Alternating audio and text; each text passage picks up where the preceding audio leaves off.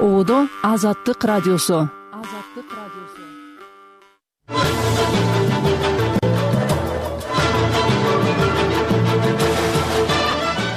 Саламатсызбы түз эфирде сиз тыңдап жаткан азаттык радиосу уктурууну алып барып жаткан кундуз кызылжарова. Он тогузунчу февралдын негизги темаларынан кыскача.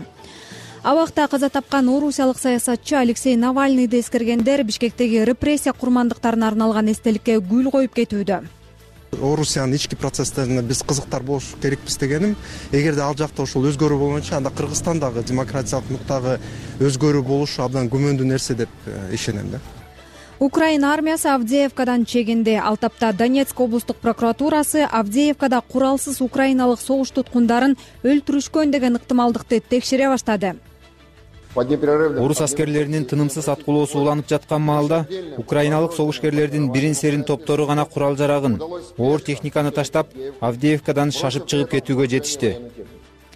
Катаал аба ырайы кыргызстандын тоолуу аймактарында чоң түйшүк жаратып нарында жана алайда эки киши каза тапкан бир катар аймактарга карым катнаш кыйындап жол кырсыктары көбөйдү ушул жолку кар жааганда бул айыл ичинде жол жүрө албай калдык. Э, туура жолдордо жол жок болуп колго балдар бара албай калганга чейин жетти баягы күнү бир күнү. Атынын башы чыгып аман калган да атычы. Иши болсо аттын чылбырын кармаган бойдон көчкүнүн алдында калган мындан тышкары атайын кызматтын төрагасы камчы бекташиев футбол союзунун президенти болуп шайланды. Ушул баяндар программабыздын негизги өзөгүн түзөт берүүбүздү калтырбай угуңуз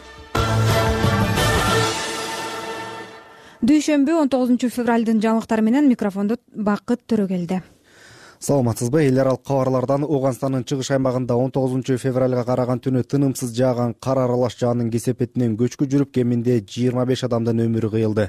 Бул тууралуу жалпыга маалымдоо каражаттары жергиликтүү тургундарга жана бийликтеги талибан кыймылынын өкүлдөрүнө таянып билдирип жатышат. Кырсык нуристан провинциясындагы нурграм районунда болгону каза тапкандардын көбү аялдар жана балдар экени жыйырма беш үй талкаланганын маалымдалды. Узакка созулган кургакчылыктан кийин башталган тынымсыз жаан чачын ооганстандагы ондогон жылдардан бери ансыз да куурчуп турган гуманитардык абалды ого бетер оорлотууда орусияда абакта каза болгону айтылган оппозиционер саясатчы алексей навальныйдын апасын ямал ненец автоном округундагы салехард шаарынын ооруканасына киргизбей жатышканы айтылды. Бул тууралуу он тогузунчу февралда саясатчынын маалымат катчысы кира ярмыш билдирди. Анын сөзү боюнча тергөө комитетинин өкүлдөрү апасына уулунун өлүмү боюнча териштирүүнүн мөөнөтү узартылганын билдиришкен. Владимир облусундагы өзгөчө тартиптеги колонияда кармалып отурган навальныйды былтыр жыл аягы соңунда ямал ненец автоном округунун харп кыштагындагы колонияга которушкан он алтынчы февралда орусиянын федералдык жаза аткаруу кызматы ал каза болгонун расмий жарыялаган. Мекеменин маалыматында навальный сейилдеп келгенден кийин өзүн начар сезип дароо эсин жоготкону айтылган.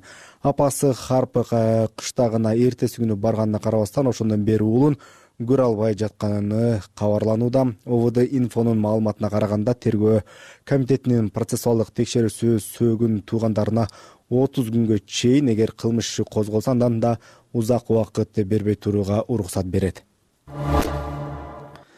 бийлик сунуштаган жалпыга маалымдоо каражаттары жөнүндө мыйзам долбоору бюджет экономикалык жана фискалдык саясат боюнча комитетинин күн тартибинен дагы бир жолу алынды. Он тогузунчу февралдагы жыйында депутат камила талиева маданият маалымат спорт жана жаштар саясаты министри алтынбек максутов өзү келсин деген талап менен күн тартибинен алууну сунуштады.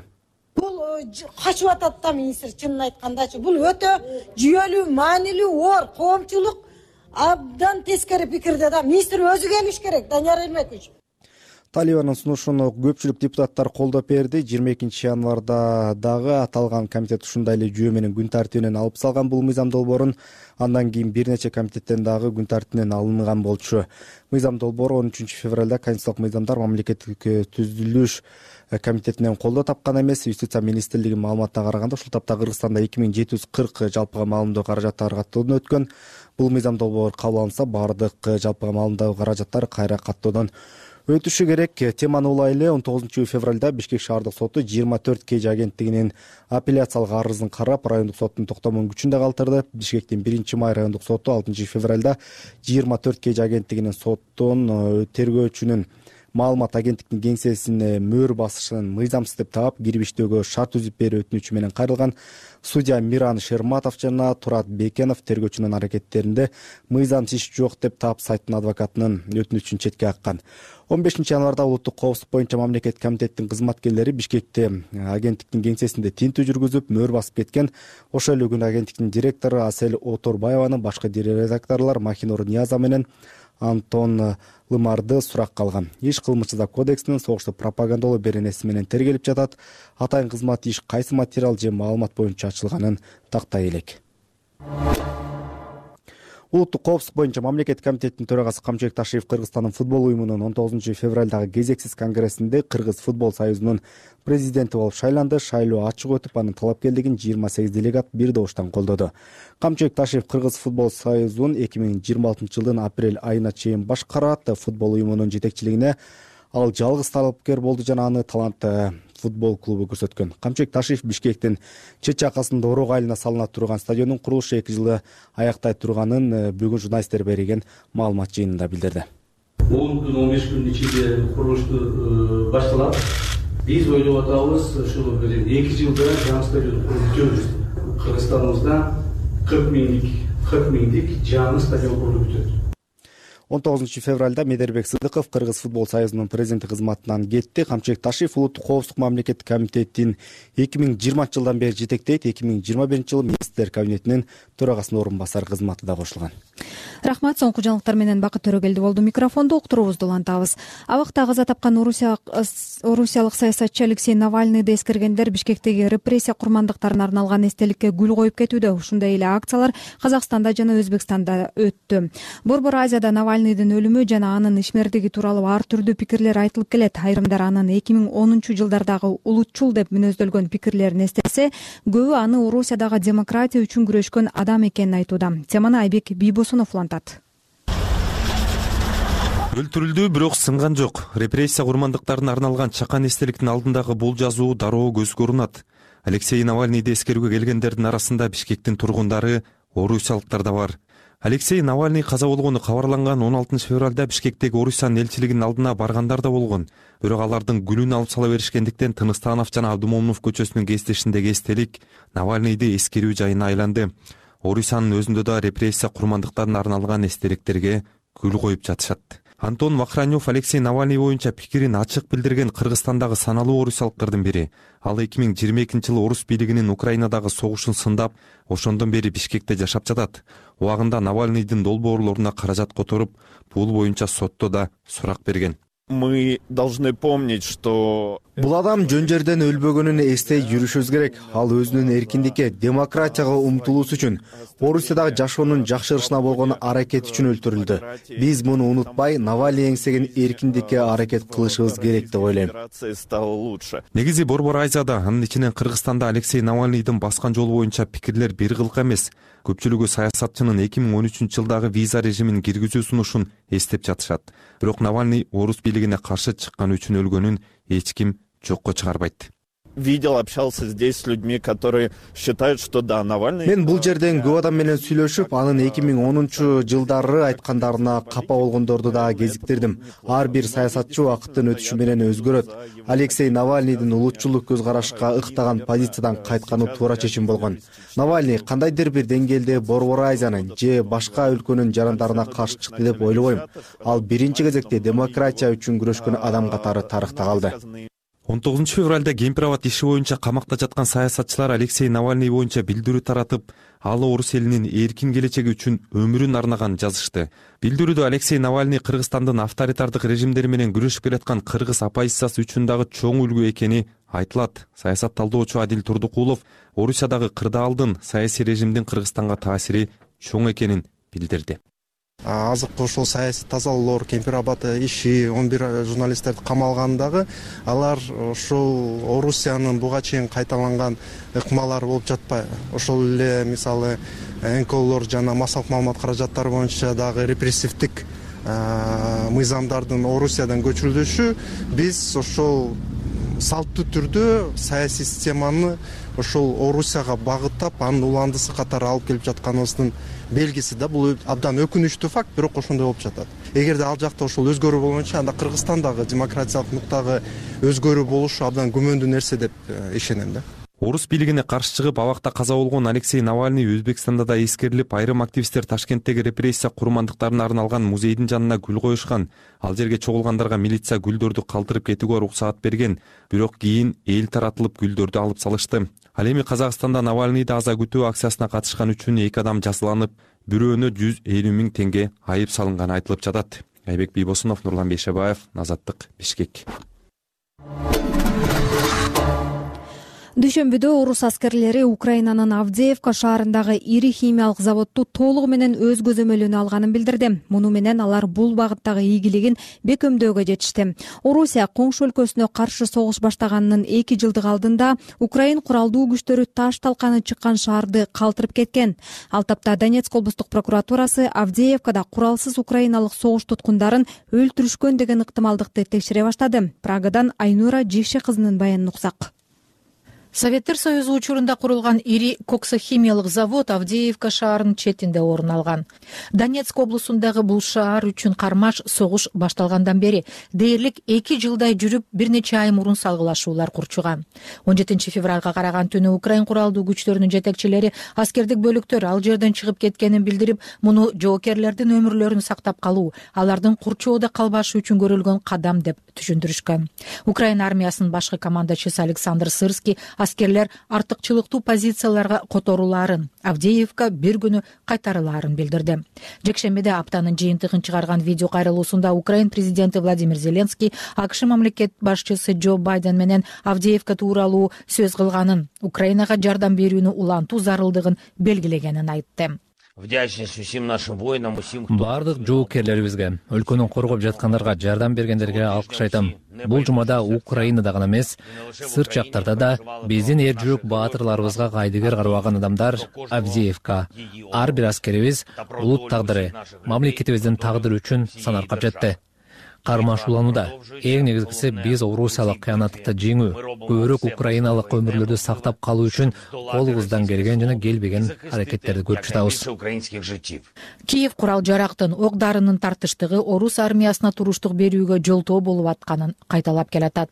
Ишемин кечинде орус коргоо министрлиги сергей шойгу президент владимир путинге авдеевка көзөмөлгө алынганын кабарлаганын маалымдаган орус аскерлеринин тынымсыз аткылоосу уланып жаткан маалда украиналык согушкерлердин бирин серин топтору гана курал жарагын оор техниканы таштап авдеевкадан шашып чыгып кетүүгө жетишти. деп айткан орус коргоо министрлигинин басма сөз катчысы игорь коношенков тасс агенттиги билдиргендей путин ал жактагы аскерлерди куттуктады. Ал эми кремлдин басма сөз катчысы дмитрий песков шаарды алууну маанилүү жеңиш деп сыпаттады. Орусиялык аскердик блогерлер шаардагы имараттарга орус желеги көтөрүлгөнү тартылган видео сүрөттөрдү жарыялап жатышат авдеевканы көзөмөлдөө орус армиясы үчүн былтыр май айында бахмут шаарын алгандан кийинки чоң ийгилик болуп калды. Муну менен катар вашингтондо жайгашкан согушту изилдөө институту авдеевканы алуу москва үчүн көбүрөөк символикалык мааниге ээ болоорун. Саясий жана маалыматтык утуш алып келээрин бирок майдан тилкесинде эч кандай өзгөрүүлөр тактикалык ийгиликтер күтүлбөсүн өткөн бейшембиде жазган украинанын таврия аскерлер тобунун командачысы александр тарнавскийдин айтымында куралдуу күчтөр чегинип жатканда туткунга түшкөн аскерлер болду. Бирок алардын саны аталган жок. Он тогузунчу февралда донецк облусунун прокуратурасы авдеевка шаарында алты жана веселая айылында эки куралсыз украиналык согуш туткундарын атып өлтүрүү ыктымалдыгын текшере баштады. Бул тууралуу прокуратуранын фейсбуктагы постунда айтылат туткунга түшкөн аскерлерди өлтүрүү женева конвенциясын бузуу болуп саналат жана согуш кылмышы деп сыпатталат. Дүйшөмбүдө украина армиясы бир суткада жүздөн ашуун айылкыштак артиллериялык соккуларга кабылганын билдирди. Айнура жекше кызы прага сиз угуп жаткан азаттык эми жергиликтүү темалардан айтабыз. Кыргызстанда ушул күндөрү суук күчүнө кирип айрым аймактарда кар калың түштү. Мындай аба ырайынын айынан тоолуу аймактарда жолдор жабылып көчкү түшүп жатат. Нарын жана алай райондарында кар көчкү эки тургунду басып калып каза болгону кабарланды. Өзгөчө кырдаалдар министрлиги мындай шартта узак жолго чыкпай турууну эскертет. Соңку күндөрдөгү кырдаал боюнча кабарчыбыз нурболот азаматтын баянын уксак быйыл мелүүн болуп жаткан кыш ушул күндөрү күчүнө кирип калың түшкөн кар тоолуу аймактарда жашагандарды түйшүккө салып бир нече жол жабылды. Транспорт министрлиги ушул күндөрү мырзаке алай куу кара кол эңилчек жолу жыйырманчы февралга чейин жабылганын кабарлады. Мындан сырткары өлкөдөгү төө ашуу ала бел долон ашууларында кар көчкү түшүшү мүмкүн экенин расмий түрдө эскертилди. Мындай шартта жолчулар жүргүнчүлөрдү узак жолго чыкпай турууга чакырып жатышат. Он жетинчи февралда башталган кар айрыкча нарын облусунда оштун кара кулжа алай жалал абаддагы чаткал ысык көл облусунун тоолуу аймактарына калың түштү. Нарында кардын калыңдыгы жарым метрге жетсе алай куу өрөөнүндө бир метрге жакындаган мындан улам аталган аймактарда кар көчкү коркунучу күчөдү. Нарын районунун төш булак айылында тоодон түшкөн көчкүдөн кырк жаштагы тургун каза болгону белгилүү болду. Аталган айыл курамына кирген чет нура айыл өкмөтүнүн башчысы алмамбет акматовдун айтымында кырсык он жетинчи февралда чак түштө болгон. Эртең менен төрт киши болуп жылкыга чыгышкан буларчы жылкыны айылга айдап келүү максатында чыгышкан. Төртөө төрт тарапка кетти да. Төрт коптуга кирип кетти да. Анан бул кишини көчкү басып калган да атынын башы чыгып калган да атынын башы чыгып аман калган да атычы. Иши болсо аттын чылбырын кармаган бойдон көчкүнүн алдында калган. Ал жанагы таап алганыбызды негизи болуп атат бул аттан таап алдык да тиги төртөө кайра жолугуп болжошкон жерден жолукканда тиги киши жок болуп калган анан кыдырып барганда жанагы көчкү аттын башы чыгып калган да деди акматов. Акматов билдиргендей айылдарды азыр тоют маселеси кыйнай баштаган. Кар калың жаагандыктан малдар азыр короодо. Ал эми кыштоодогу чабандар дагы сарайларга түшүрүлүүдө. Өзгөчө кырдаалдар министрлиги жыйырманчы февралга чейин тоолуу аймактарда кар көчкү түшүүсү күтүлүп жатканын жана мезгил мезгили менен каар жаап кар күрткү пайда болоорун билдирет. Бүгүнкү күнгө чейин унаа жолдордо жети ирет кар көчкү түшкөн. Он сегизинчи февралда ош облусунун алай районунун арал айыл аймагынын корул айылында элүү эки жаштагы эркек киши аңчылыкка чыгып кар көчкү басып калган ысык көл облусунда да кар калың түштү тоого жакын айылдарда жолдорду ачуу тазалоо маселе жаратып жатканын түптүн сары тологой айылынын тургуну тинатин өмүркулова билдирди. Айыл тургунунун айтымында акыркы үч күндөн бери борондоп жаткан кар айылдыктарды бир топ түйшүккө салган. Ушул жолку кар жааганда бул айыл ичинде жол жүрө албай калдык. Э, туура жолдордо жол жок болуп мына кечээ айыл башыбыз ошо руслан абдикеримов деген бала ошол тракторду сүйлөшүп тигуудан алып келип атып бүт жолдорду бир сыйра күрөттү мындай мындай жолдорду эми туура жолдорубуз бар школго балдар бара албай калганга чейин жетти баягы күнү бир күнү чынында жолубуз бүтөлүп азыр ачса эле азыр эле кайра бүтөлүп коюп атат да бир беш он мисалы үчүн бир эле техника ушул биздин талды суу айыл өкмөтү менен мындай айланып токтаян поктаянды барып аяктарды да ачып кайра келгенче эле тиги жолду бүтөп салып атат. Деди өмүркулова ысык көлдүн жети өгүз ысык көл райондорунда он алтынчы февралда түнү болгон шамал айылдагы үйлөрдүн чатырын социалдык объектилердин чатырын учурган. Ошондой эле катуу шамалдан улам тамчыдагы аэропорттун дубалы кулап калганын жергиликтүү бийликтен ырасташты. Күн сууктаганы бишкекте да сезилди. Шаардыктар ушул күндөрү көп кабаттуу үйлөрдө жылуулук жакшы берилбей жатканын соц тармактарга жазышып муну ушул айдын башындагы бишкек жылуулук электр борборундагы аварияга байланыштуу эмеспи деп да талкуулап жатышат.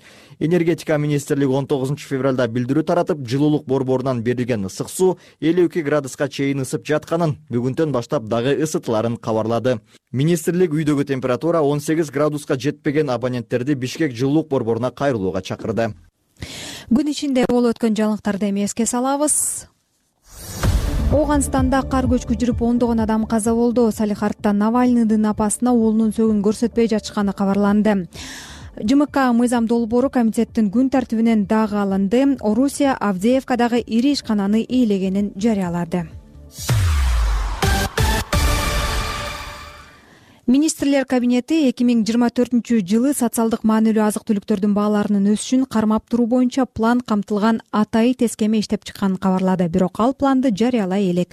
Өкмөт буга чейин өсүмдүк майына унга жана буудайга кошумча нарк салыгын нөлгө түшүрүү айрым товарларды экспорттоого чектөөлөрдү киргизген кабарчыбыз кубатбек айбашев учурдагы базар баалары өкмөт азык түлүктүн баасын турукташтыруу үчүн кандай чараларды көрөрү тууралуу айтып берет өкмөт өлкөдөгү азык түлүк коопсуздугун камсыздоо жана бааларды турукташтыруу боюнча мындай чечимди соңку үч жылдан бери ар жылдын башында чыгарып келет.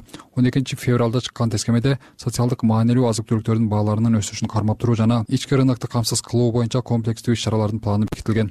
Планда экономика министрлиги айыл чарба министрлиги монополияга каршы жөнгө салуу агенттиги материалдык резервдер фонду жана жергиликтүү бийлик органдары аткара турган тапшырмалар каралган муну менен катар мамлекет айрым тармактардын өндүрүүчү импорттоочу жана соодалоочу ишканалары менен кумшекер жана ундун базардагы баасын кармап туруу боюнча келишимдерди түзүп келет.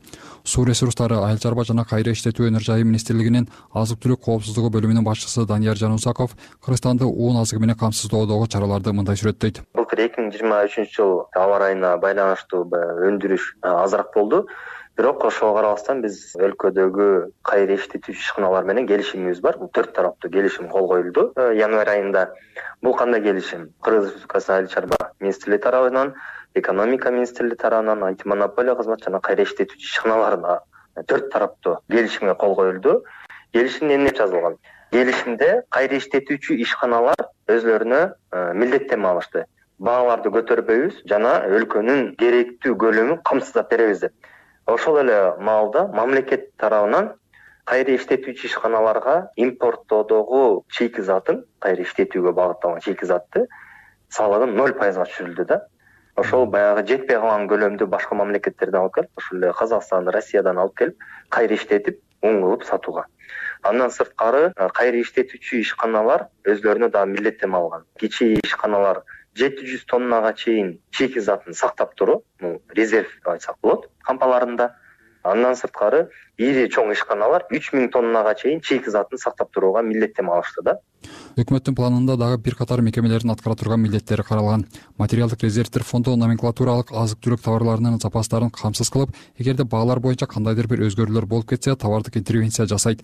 Мындан тышкары социалдык мааниге ээ товарларды өстүргөн дыйкандар менен өндүргөн ишканаларды салыктан бошотуу жеңилдетилген насыяларды берүү жана ал товарларды экспортко чыгарууга тыюу салуу механизмдери да каралган монополияга каршы жөнгө салуу агенттиги базар бааларынын негизги кымбаттоосунун алдын алуу милдетин аткарат. Агенттиктин жөнгө салуучу чөйрөлөр башкармалыгынын башчысы санжар кокошяров эгерде базарда кандайдыр бир негизсиз көтөрүүлөр болсо анда мамлекеттик жөнгө салуу киргизилерин билдирди. Эгерде эки миң жыйырма үчүнчү жылга чейин бир айдын ичинде жыйырма пайыздан жогору өсүп кеткен учурда гана киргизилген болсо эки миң жыйырма үчүнчү жылдын сентябрь айынан бери андай норма жок. Баалар өзгөргөн учурда бул экономика жана коммерция министрлиги өзүнүн буйругу менен жөнгө салуу киргизе алат. Жөнгө салуу токсон күнгө киргизүү каралган. Ошондой чечим кабыл алынгандан кийин биз тараптан бул чектүү деңгээли белгиленет баалардын максималдуу деңгээли.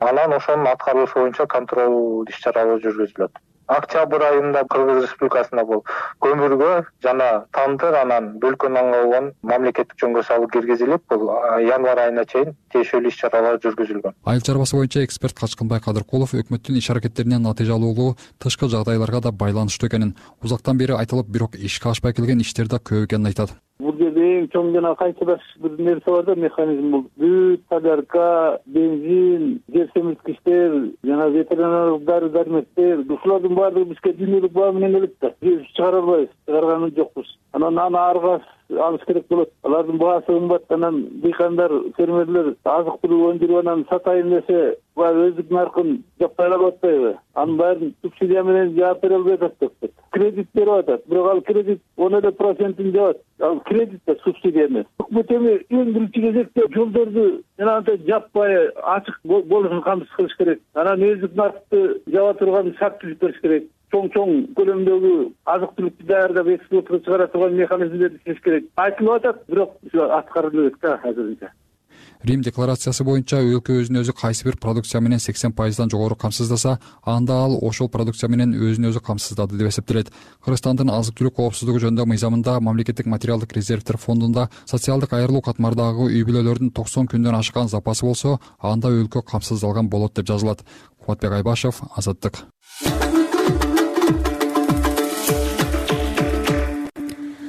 кадырман угарман азаттыктын мындан сырткаркы макала жана баяндары азаттык чекит орг сайтында турат. Ошондой эле подкасттарыбызды google play spotify аянтчаларынан уксаңыз болот. Азаттыкка айтайын деген оюңуз болсо ээлүүнү берүүсүнө кайрылсаңыз болот. Whatsapp номери ноль беш жүз элүү тогуз жүз сексен сегиз жети жүз элүү беш. Эксперттер талдайт эксперттер талдайт күн темасына чыккан талуулуу маселелерди түз эфирде талкуулайбыз. Саясат экономика укук эл аралык мамиле жарандык коом сөз эркиндиги. бүйүр кызыткан темалар апта сайын азаттыктын эксперттер талдайт программасында. Берүүнү азаттыктын ютубтагы каналынан фейсбуктагы баракчасынан жана азаттык чекит орг сайтынан көрсөңүз болот биз берүүбүздү түз эфирде улап жатабыз аны алып барып жаткан мен кундуз кызылжарова. Улуттук коопсуздук боюнча мамлекеттик комитеттин төрагасы ташиев камчыбек кыргыз футбол союзунун президенти болуп шайланды. Ал эки миң жыйырма алтынчы жылдын апрель айына чейин футбол уюмун башкарат. Ташиев өз ишин өлкөдөгү футбол инфраструктурасын жакшыртуудан баштаарын билдирди. Айрымдар атайын кызматтын жетекчисин коопсуздуктан тарта чарбалык иштер эми спортко чейин өз жоопкерчилигине алып алды деп сындаса кээси тармакты өнүктүрөт деп үмүт артууда. Кабарчыбыз гүлжан турдубаеванын баяндамасын тыңдасак. Футбольная страна будет. Все будем заниматься футболом от малых детей которые со школьных возрастов до улуттук коопсуздук боюнча мамлекеттик комитетинин төрагасы камчыбек ташиев он тогузунчу февралда кыргызстандын футбол уюмунун кезексиз конгрессинде уюмдун президенти болуп шайланды. Шайлоо ачык өтүп анын талапкерлигин жыйырма сегиз депутат бир добуштан колдоду. Ташиев шайлоодон кийин журналисттердин суроосуна жооп берип президент садыр жапаровдун тапшырмасы менен бул кызматка келгенин өз ишин өлкөдөгү футболдук инфраструктураны жакшыртуудан баштаарын билдирди. Сегодняшнее назначение то есть э, выбор президента нашей страны для меня это есть поручение. Бүгүнкү дайындоо тагыраагы өлкөбүздүн президентинин тандоосу мен үчүн тапшырма.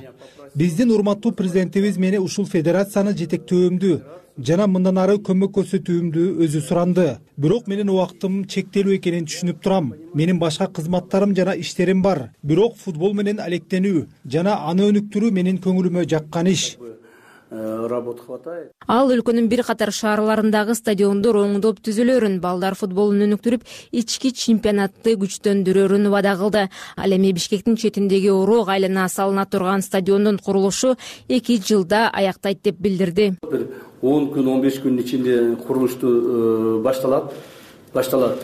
Биз ойлоп атабыз ушул бир эки жылда жаңы стадионду куруп бүтөбүз деп буюрса бул бул жумушту дагы мен өзүм колума алдым президенттин тапшырмасы негизинде. Бирок быйыл биз уже спартак стадионун э, капиталдык ремонтун өткүзөбүз. Кыргызстандын улуттук курама командасы быйыл катарда өткөн азия чемпионатында ийгиликсиз ойноп тайпадан чыкпай калды. Оюндан кийин кыргыз футбол бирлигинин жетекчилиги кызматтан кеткен. Көп өтпөй президент жапаров атайын кызматтын төрагасы камчыбек ташиевке кыргыз футбол союзунун жетекчилигин сунуштаган. Айрымдар анын бул кызматка келишин кубаттаса кээси коопсуздуктан чарбачылык иштер футболго чейин жоопкерчилик алышын сындап жатышат. Эмил жороев саясат талдоочу. Акыркы кезде чечилбеген көптөн бери чечилбеген маселенин баарына эле камчыбек ташиев тартылып атпайбы эми энергетика болобу эми жакында медицинага деле кайрылат болуш керек. Башкасынын күчү жетпей атса анан ушул президент да ойлойт окшойт да ушул э, ташиев мырза футболду да ошол киши оңдойт окшойт да.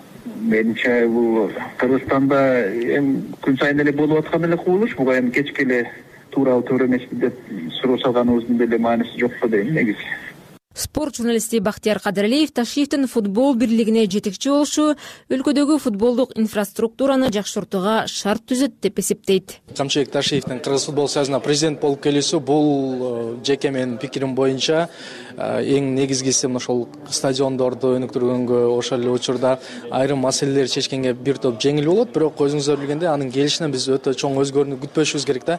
Ошол буга чейин кыргыз футбол союзу кандай жумуш алып барган болсо ошол эле жумуш уланат камчыбек ташиев өзүнүн баласы испанияда футбол мектебинде окуорун кызы дагы футбол менен машыгаарын айтып кыргыз футболун өнүктүрөөрүн убадалап жатат. Өткөн аптада эле дүйнөлүк футбол уюму жаңы рейтингин жарыялап кыргызстан анда алты тепкич артка кетип жүз төртүнчү орунга жайгашты. Фифанын мурунку рейтингинде кыргызстан токсон сегизинчи орунда эле. Гүлжан турдубаева азаттык бишкек. Куугунтук курмандыктары жазыксыз жерден жайран болгон тагдырлар. Саясий репрессиянын айтылбаган өңүттөрү улут трагедиясын унуттурбаган коомдук эс тутум азаттык үналгысынын куугунтук курмандыктары подкастында тарыхтын актай калган барактарын толуктайбыз. Тарыхтын актай калган барактарын подкастты apple google spotify аянтчаларынан жана азаттык орг сайтынан угуңуз куугунтук курмандыктары азаттыктын угарманы биздин youtube x instagram жана facebooктагы баракчаларыбызга катталганды унутпаңыз. Ал жерде дайыма макала баяндарыбыз жаңыртылып турат. Он тогузунчу февралдагы кечки уктурууларыбыздын алгачкы жарым саатын ушуну менен жыйынтыктайбыз. Аны алып барган мен кундуз кызылжарова болдум. Ал эми режиссердук пультта кесиптешим даниэль муратов болду. Саламатта туруңуздар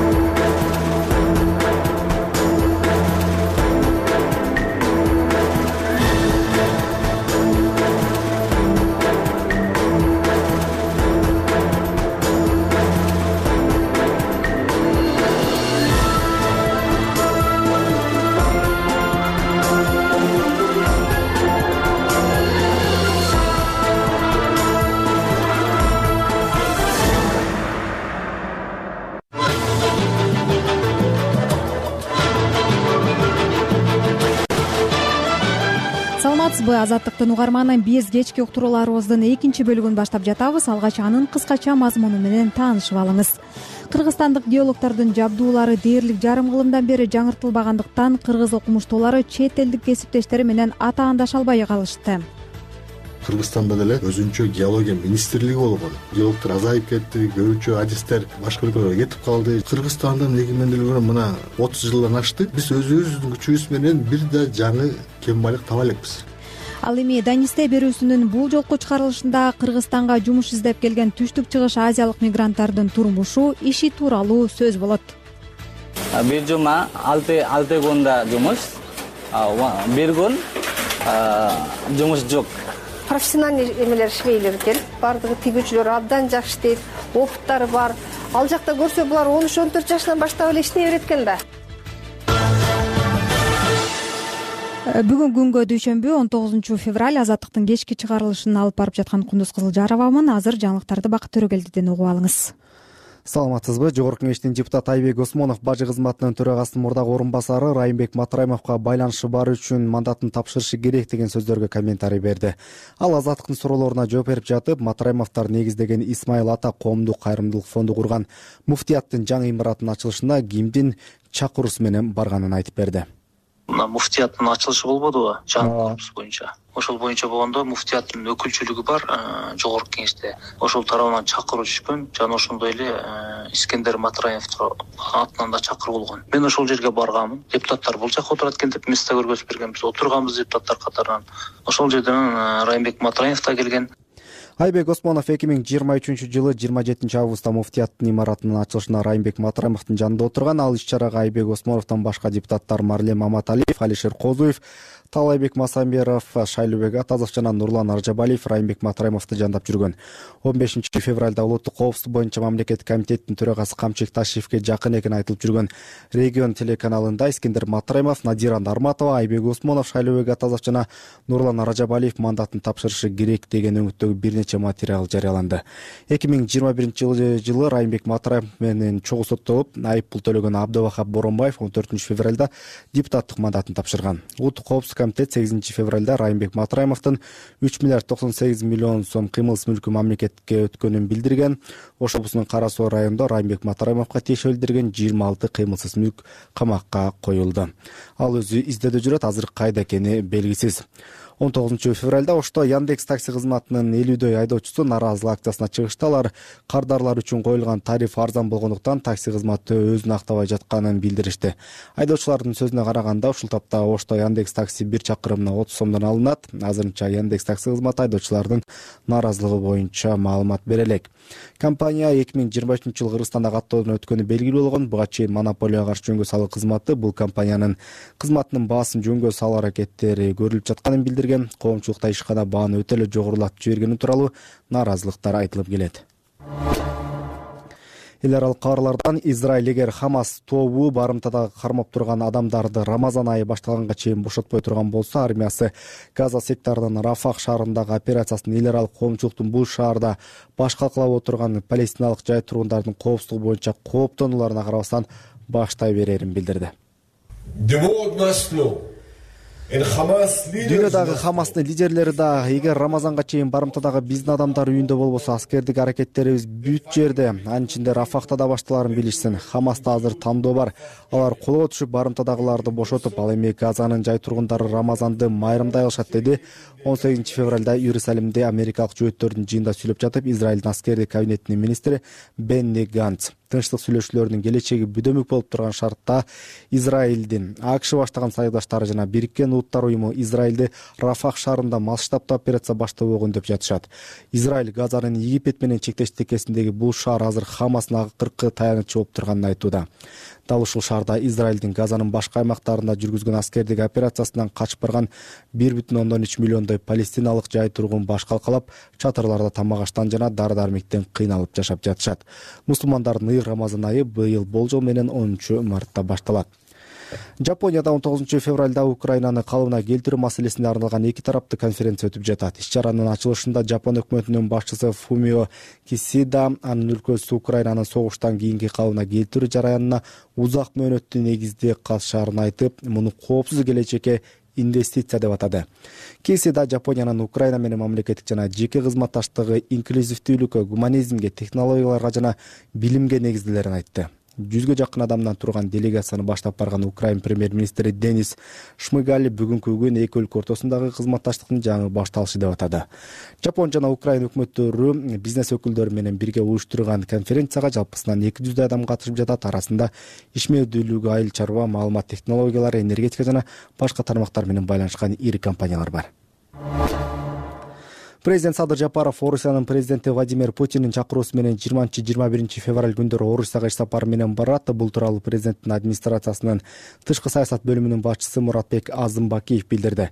Маалымат боюнча садыр жапаров казан шаарында келечек оюндары эл аралык транспорттук э, мульт спорттук мелиштердин расмий ачылышына катышып иш чараны алкагында владимир путин жана э, татарстандын башчысы рустам миниханов менен эки тараптуу жолугушууларды өткөрөт парламенттин тармактык комитетинде мамлекеттик тил жана тил саясаты боюнча улуттук комиссиянын төрагасы каныбек усманалиев мамлекеттик органдарда кыргыз тилин колдонушу боюнча отчет берди. Анын сөзүнө караганда эки миң жыйырма үчүнчү жылы президенттик администрация иш кагаздарынын элүү үч пайызын кыргыз тилинде жүргүздү бул эки миң жыйырма экинчи жылга салыштырмалуу тогуз пайызга көп. Эң көп сексен эки пайыз жогорку кеңеште ал эми төмөнкү коргоо министрлигинде эки пайыз гана төмөндөө болуп өсүш болбой жатат. Бул министрликтин иштөөдөгү өзгөчөлүгү болууда деди осмоналиев эки миң жыйырма үчүнчү жылдын он сегизинчи январында кыргыз республикасындагы мамлекеттик тил жана тил саясаты маселелери жөнүндө токтом кабыл алынган рахмат бакыт төрөгелди болду микрофондо берүүбүздү улантабыз кыргызстандык геологдор мамлекеттик колдоого муктаж болуп турушат. Жабдуулары дээрлик жарым кылымдан бери жаңыртылбагандыктан кыргыз окумуштуулары чет элдик кесиптештери менен атаандаша албай калышты. Жалал абадтан табылган жер семирткичтин экологиялык түрүнө көңүл бурулбай унутулуп баратат. Бул жана башка көйгөйлөр тууралуу геолог рустам орозбаев азаттыкка ой бөлүштү адисти санжар эралиев кепке тарткан жер эне. Азаттык радиосу.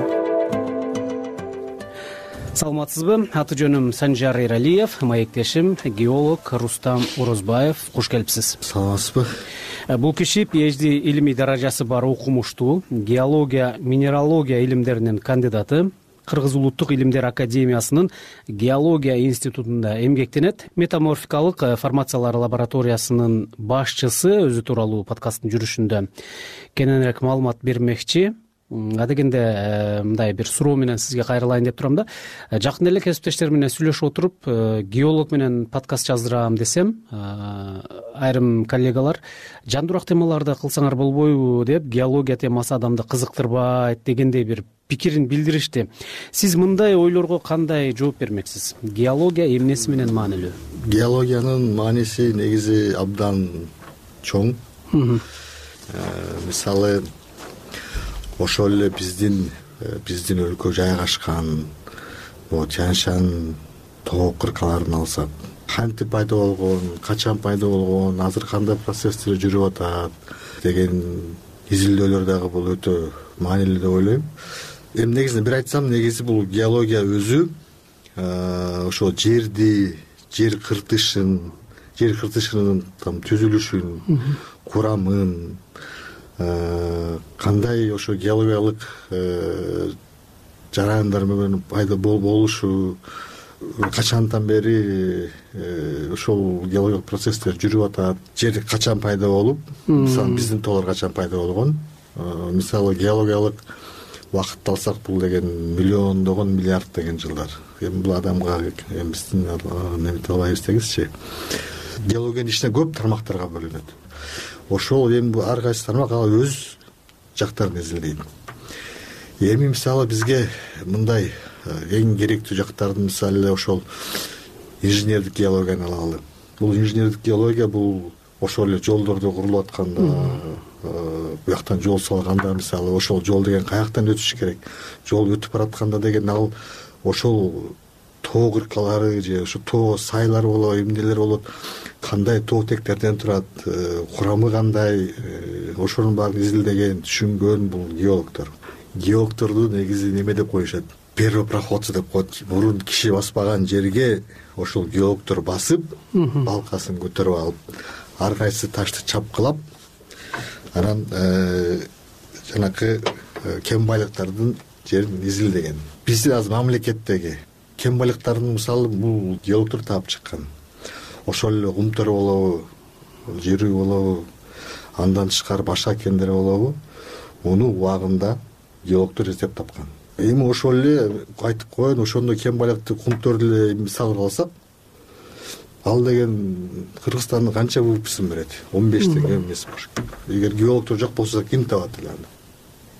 Айтпадыңызбы жол курууда геологдордун корутундулары чоң роль ойнойт депчи бүгүнкү күндө кыргызстандагы жол курулуштарына геологдор э, канчалык катышат? Эми бул мен инженерный геология жагын эле мисал катары келтирдим да. Анан мен ойлойм ошол эле чоң ири жол салып аткан компаниялар алардын өздөрүнүн ошол инженерный сооружение или инженерно геологический бирдеке бөлүмдөр болсо керек. Анан ошолор алып барып атат деп ойлойм. Бирок э, эмнегедир мисалы азырынча э, мен иштеген жерде же кыргыз геология канча тартып атат айта албайм. Өздөрүнүн эле бир э, ошол бир компанияда бир чакан эле бир инженерный геология бир бөлүм болушу мүмкүн. Эки үч киши иштеген. Ошолор эле ошол жумушту аткарып коет деп ойлойм. Жер эне азаттык радиосу негизи геология илими болобу же мындай производствосу болобу геологиянын негизин алсак бул советтер союзунда аябай кыйын өнүккөн бул абдан чоң өнүккөн эң маанилүү э, ошондо советтер союзу маалында э, бул геология тармагын абдан чоң каржылачу. Бөлүнчү. Ошол эле маалда кыргызстанда деле өзүнчө геология министрлиги болгон. Өзүнүн министрлиги болгон. Азыр болсо э, ошондой да. Анан айтып кетчү могу буга чейинки табылган кендердин баары э, сурмайсы болобу алтыны болобу күмүшү болобу көмүрү болобу ташы болобу баары тең бул союз убагында табылган кендер тилекке каршы эгемендүүлүгү алгандан бери геологияга мамлекет тарабынан көңүл жыл сайын аз аз болуп бараткан геология тармагындагы мисалы ошол эле агентство болчу управление болчу азыр департаментке деңгээли түшүп калды. Каржылоо мисалы азайып иштер ар кандай азайып анан э, ири мисалы геология тармагындагы мындай айткандай бай организация болчу. Тиги северо кыргызский геологический экспедиция ивановкадагысындай эмне чоң чоң ар кандай экспедициялар гидрогеологическая сууну изилдеген геофизическая геодезическая методическая деген партиялар экспедициялар көп болчу алардын өздөрүнүн жумуштары аткарылчу бирок бара бара кээ бирөө жоюлуп кетти кээ бирөө эметип кетти жоголуп кетти геологдор азайып кетти көбүнчө адистер башка өлкөлөргө кетип калды. Же болбосо жанагы жеке менчик ишканаларга геология тармагында кичине акча төлөгөндө ошол жака кетип калышты. Кыргызстандын эгемендүүлүгүнө мына отуз жылдан ашты. Биз өзүбүздүн күчүбүз менен бир да жаңы кен байлык таба элекпиз а бул кен байлык табыш деген бул абдан керектүү нерсе да мисалы деген мамлекеттин минеральный сырьевой базасын толтуруш үчүн геологдор иштеп туруш керек. Албетте эми геологияга мамлекетке акча бергенде бул геологдор сразу эле бир эртеси күнү эле бере албайт. Бирок алар бир берсе чоң берет. Эгер мисалы геологдор дагы бир кумтөрдү таап койсо эмне болот анда? Ал кандай болот ал деле чоң салым болот да менин оюмча. Ага деле жылдар керек ага деген адам адамдын күчү керек убакыт керек ресурс керек. баары керек каржылоо керек финансы керек баардыгы керек. Бул оңой эмес. Анан бул айтып аткан себеби деген мисалы деген ошол эле тетиги кумтөр э, мына уже дагы беш жыл он жыл иштеп береби жер үйүң деле ал деле бир он он беш жылга барып иштеп берет. Баары тең изилдеп атат казып атат казып атат артында болсо мамлекеттин тиги немесине бир нерсе базасы деп коет тиги госгеология жаңы жаңы ачылган гемакта келбей атпайбы болгон тапкан нерсени союз маалындагы тапкан баардык гемактарды азыр биз болушунча казып атабыз. Бирок ошол эле канча казып мындай алып атсак артынан жаңы гемаяктар табылып же эметип кошулбай атат. Анан э, мисалы кийин дагы он он беш жылдан кийин баары тең казып түгөтүп койсок дагы казабыз анан геологдор кайда деп калышат бирок э, азыркы маалда мурункуга караганда кичине тиги министерство природных ичинде кыргыз геология деп бир жаңы ошол бир геологияга кичине көңүл бурабыз деппи кичине ошого бир э, кыргыз геология деп ачылды. Э, ичинде ошо ар кайсы парктардын баарын тең киргизди окшойт. Лабораториясын дагы баарын тең. Анан ошол эле тиги быйыл менин оюмча быйылкыга миллиард сом бөлүп беребиз деген бөлүп берди болуш керек. Ошол эле ушу геология тармагына ошону биз иштетип алып баралы деп. Кичине бир азыр бир неме жылыш болчудай болуп көрүнүп атат. Э, кыргызстандын азыркы шартында геологиялык изилдөөлөр кандай кыйынчылыктарга же тоскоолдуктарга кабылып жатканы тууралуу кененирээк эмнелерди айта аласыз? Акыркы жылдары көңүл бурула баштады каражат бөлүнүп жатат дегендей болдуңуз. Аны эмнелерге коротуу зарыл болуп турат? Менин оюмча эң биринчи кыйынчылык бир тоскоолдук деле болуп калабы бул э, адистер. Адистер эми мамлекет канча берет? Бирок эгер адистер убагында тарап кетсе университеттеги жаңы келген студенттердин деңгээли кандай? Алар да жаш жакшы окуса да аларды үйрөтүш керек. Э, бул ушу биринчи адистик жагынан эле анан дагы бир немени айтып кетким келип атат. Бирок эмнегедир могу илимий жагында негизи э, мисалы ошол институт геологияны э, дагы кичине көңүл буруп могу жанакы лабораторияларда жакшынакай заманбап э, аналитикалык оборудование алып берсе биз деле иштерин иштетип атат элек натыйжалары жакшы болот эле. Анан ошол кыргыз геологиядан бизге деген ошо тиякты изилдейбиз биякты изилдейбиз десе аларга деле бир мисалы э, илимий жыйынтыктоо или тастыктоо мисалы жылыйын тастыктоо кылып бергиле деп кайрылса чогуу иштесек деле бир чоң иш болмок. Биздин институтта болсо геология илимдер академиясында бул эң кыйынчылык тоскоолдук бул каржылоо жок. Биз деген э, илимий илимий ишкана болгон соң биздин жанакы э, лабораториялык аспаптарыбыз илгерки союз маалында жетимиш сексенинчи алтымыш жылы кылынган биз алар менен эчтеке кыла албай турабыз колдорубуз байланып калды. Бизде адистер жакшынакай бар биздин институтта деген көп жаш э, адистерибиз деген э, япониядан япониядан эле жапониядан эле бери жагы эле бир жыйырмадай э, адис окуп келишти. Кытайдан окуп келгендер бар германиядан окуп келгендер бар жаш кээ бирөөлөр окуп келет дагы бирок айлык айлык абдан аз. Э, бир ай иштейт жарым жыл иштейт. Ал э, ошол эле жети миң сомго сегиз миң сомго отура албайм үй бүлөм багышым керек деп жеке менчик геология компанияларга кетип калат. Аяктан бир топ эсе көп алышат.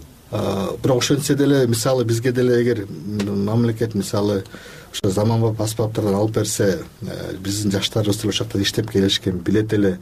Биринчиден ошондой мүмкүнчүлүктөр болсо биз деген э, биринчиден ошол эле э, жекече менчик компаниялардын анализдерин кылып ошол эле кыргыз геологиянын тиги илимий тастыктоолорун кылып берип өзүнчө заказ алып иштеп. Экинчиден ошол биздин э, илимпоздорубуз заманбап аспаптарда колдонуп анализдерди алып кылып жыйынтыктарды алып мындай элге таратып публикация кылып жакшы болмок рахмат сизге. Жерене подкастында бүгүн геолог рустам орозбаев ой бөлүштү. Адисти мен санжар эралиев кепке тарттым. Угушканча аман болуңуз. Жерене азаттык радиосу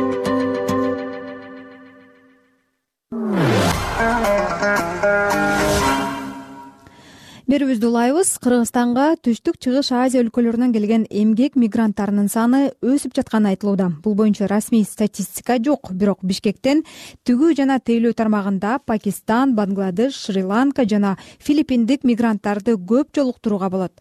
Данистенин бул чыгарылышы кыргызстанга жумуш издеп келген түштүк чыгыш азиялык мигранттарга арналат. Берүүнү кесиптешим мирлан кадыров даярдаган тигүү цехтеринин биринде иштеп жаткан бангладештиктер менен бишкектеги ири базарлардын биринин жанындагы фабрикадан жолуктук. Алардын бири мустафа ахмед кыргыз тилинде иши тууралуу айтып берди. Киргизча э,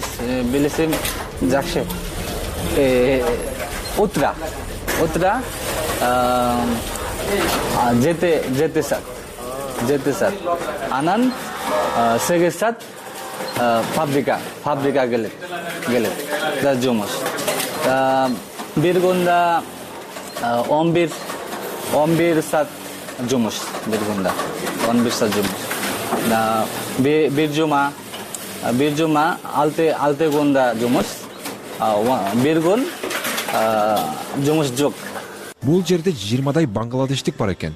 Алар бишкекке былтыр жай айларынын этегинде келишкен андан бери айрымдары кыргызча үйрөнүүгө аракет кылып жатышкандыгын айтып беришти. Анткени жумуш берүүчүлөр менен сүйлөшүү үчүн зарылдык болду дейт алар. Арасында айрымдары гана англис тилин бир аз билет. Бангладештиктер бенгаль тилинде сүйлөшөт. Алардын айтымында англисчени мектеп программасынан бир аз гана окуганы болбосо тереңдеп үйрөнүшкөн эмес. Ошентсе да ошол билим. Азыр жардамын тийгизип жатат дейт бангладештик дагы бир мигрант хусейн дидар. Кыргызстан кыргызстан аябай жакты. Эли меймандос экен. Бизди жакшы кабыл алышты. Кыргызстандын айлыгы жакшы. Бангладеште мен жүз элүү эки жүз доллардын тегерегинде айлык алам. Ал эми кыргызстандагы айлыгым бангладештикине салыштырмалуу эки эсеге көп цехтин жетекчилиги менен үч жылга келишим түзгөнбүз. Келишим аяктаганча бангладешке бир барып келсем деп жатам. Ал жакта аялым жана уулум бар. Алар менен телефондон күн сайын сүйлөшөм. Ошентсе да аларды аябай сагындым. Кийим тигүүчү цехтин жетекчиси нуржамал тулубаеванын айтымында? Бангладештиктер тажрыйбалуу тигүүчү болушат.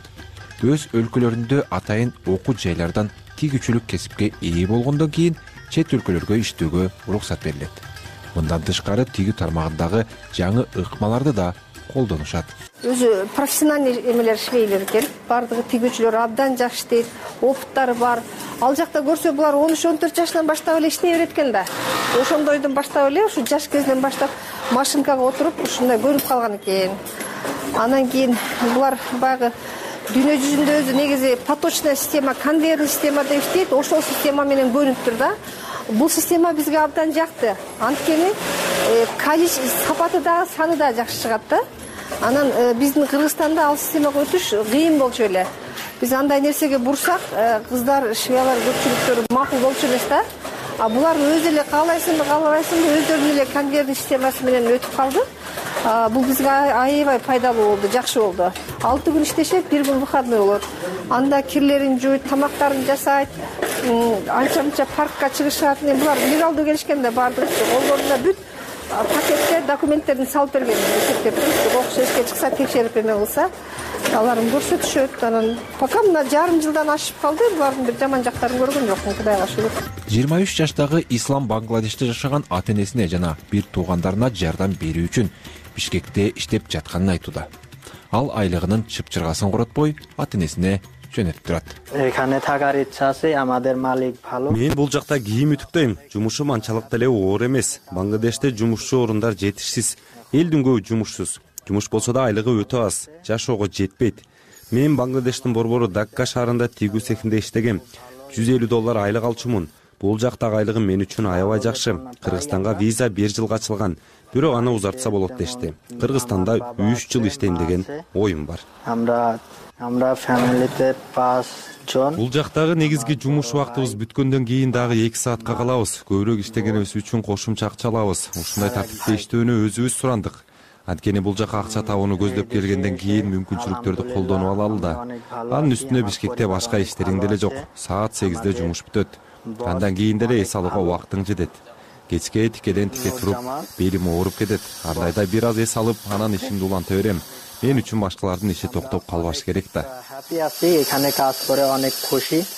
Бишкекте чет өлкөдөн жумушчуларды алып келип аларды ишке орноштуруу жана документтери менен иштеген бир нече агенттик бар аларга кайрылгандардын басымдуусу тигу цехтери жана тейлөө тармагындагы ишкерлер. Ушундай агенттиктердин биринин жетекчиси нурислам камбаров. Төрт айдын ичинде биз бир эки жүз элүүдөй адамга виза ачтырдык. Бир элүүдөйү келди. Калганы да келип атат. Себеби бангладештен чыгыш деле жеңил эмес да. Виза алгандан кийин үч күндүк окууду окуйт анан биометри карт деген карточканы алат. Андан кийин мен пауэрга тапшырат. Ошол мен пауэрдан уруксат берилсе ал жаран ошондо гана бул өлкөгө келе алат да. Бизде кыргызстанда бул маселе аябай эле жеңил. Бир мамлекеттин визасын алсаң ошол мамлекетке эч кандай маселе жок учуп кете бересиң. Эч ким сени аэропорттон да тоспойт да. А бангладеште андай эмес. Бангладеште кайсыл фирмага баратасың кайсыл компанияга кайсыл фабрикага ошол фабрика менен болгон келишим ошондой эле баардык жагынан карап текшерип тактап мамлекет уруксат бергенден кийин гана бангладештен чыга алат да. Нурислам бангладештин дака шаарындагы окуу жайлардын биринде. Тил илимдери жана ислам динин таануу боюнча он жыл окуп келген экен. Ал азыр бенгаль урду араб тилдеринде эркин сүйлөйт. Маликра эжеге опека кортесе жетутара бибуна жагатеке вадар ненисе нурисламдын айтымында кыргызстанда жумушсуздук күч болгону менен жергиликтүүлөр тигүү жана тейлөө тармагына дайыма эле туруктуу иштей бербейт. Ошондон улам чет өлкөлүк мигранттарга муктаждык бар. Ар бир эле жерде баннерлер илинип турат требуется швея ошо талап күч да швеяга аябай эле. Эмне себептен себеби бизде кыз келиндер иштейт.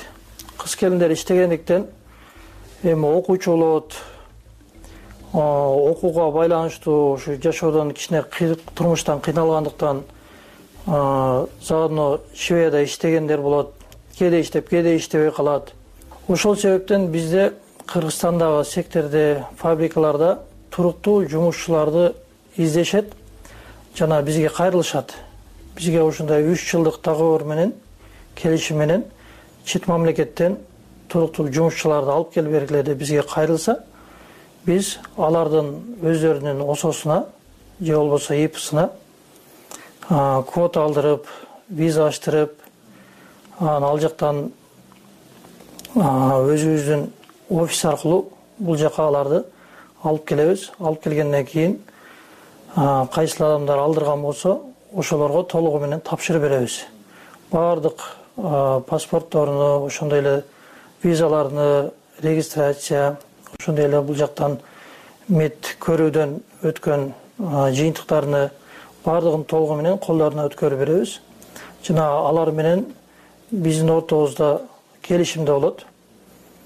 Ошол келишимден биз да чыкпаганга аракет кылабыз алар да чыкпаганга аракет кылышат тигүү тармагындагы бангладештиктерге атаандаштык жараткан бул пакистандан келген мигранттар. Алардын көпчүлүгү дагы кыргызстандын кирешелүү тармак саналган тигүүчүлүккө акташат. Пакистандык мигранттар мурда бишкектин чет жакасында сырттан ташылган автоунаа соодасы менен көп алектенчү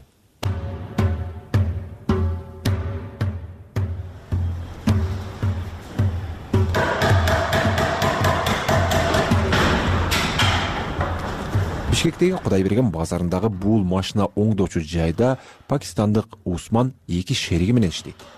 Алардын кыргызстанга келгенине жарым жылдай болгон. Биз сүзүлгөн машинелерди түздөп сырдайбыз. Бул жерде досторум менен иштейм. мен кузовду түздөп шпатлевка тартып берем. Захур сырдайт. насардын да өз иши бар ал сыр кургагандан кийин кузовду жылтыратып чыгат түштүк чыгыш азиялык мигранттардын арасында филиппинден келгендер да бар. Эприл роуз төрт жылдан бери бишкектеги united world international school аттуу мектепте математикадан сабак берет. Мектеп жетекчилиги аны англис тилин жакшы билген тажрыйбалуу адис катары филиппинден атайын чакырышкан. Ал сыяктуу эле дагы филиппиндик төрт мугалим ушул мектепте эмгектенет